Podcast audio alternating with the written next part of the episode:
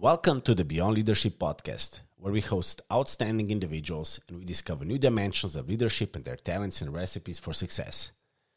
This is our 47th audio tip of the week. Here are some fun facts about number 47. Did you know that 47 pounds is about the same weight as 21 kilograms?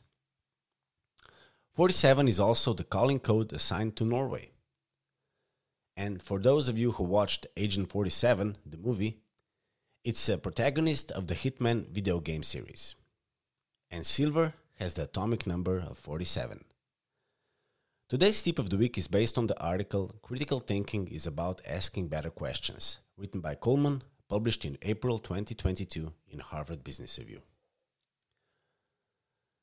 No matter your position, critical thinking, the ability to effectively break down and analyze an issue to find a solution, will be core to your success. And at the heart of critical thinking is the ability to formulate effective questions. For effective questioning, start by holding your hypothesis loosely. Be willing to fundamentally reconsider your initial conclusions and do so without defensiveness. Here are a few ways to boost your ability to do so. Number one, hold your hypothesis loosely.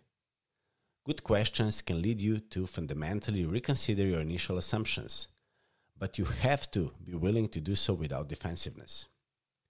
Number two, listen more than you talk. Active listening allows you to fully grasp another point of view, making it easier to question your own assumptions and biases. Number three, leave your queries open ended. Avoid asking yes or no questions. Instead, try to get the respondent to open at length. Number four, consider the counterintuitive.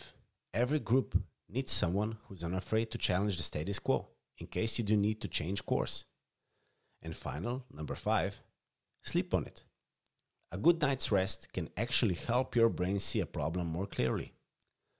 While we don't need to ask a litany of whys to get the heart of critical thinking, we should ask thoughtful, even hard follow up questions.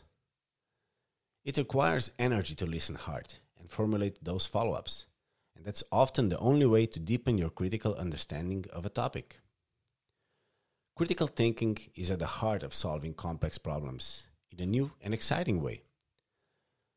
Building these key skills will help you as you navigate new positions, new roles, establish yourself in your organization, or simply face a conundrum. Learn to formulate and ask questions rather than simply answering them. Now, do you practice critical thinking? What methods do you use? This was this week's tip of the week. Make sure to subscribe and follow us on all podcast channels like Spotify, Apple, Google, Castbox, and also follow us on YouTube, LinkedIn, Instagram, and Facebook. And we have a fantastic website, beyondleadership.si. Till next time.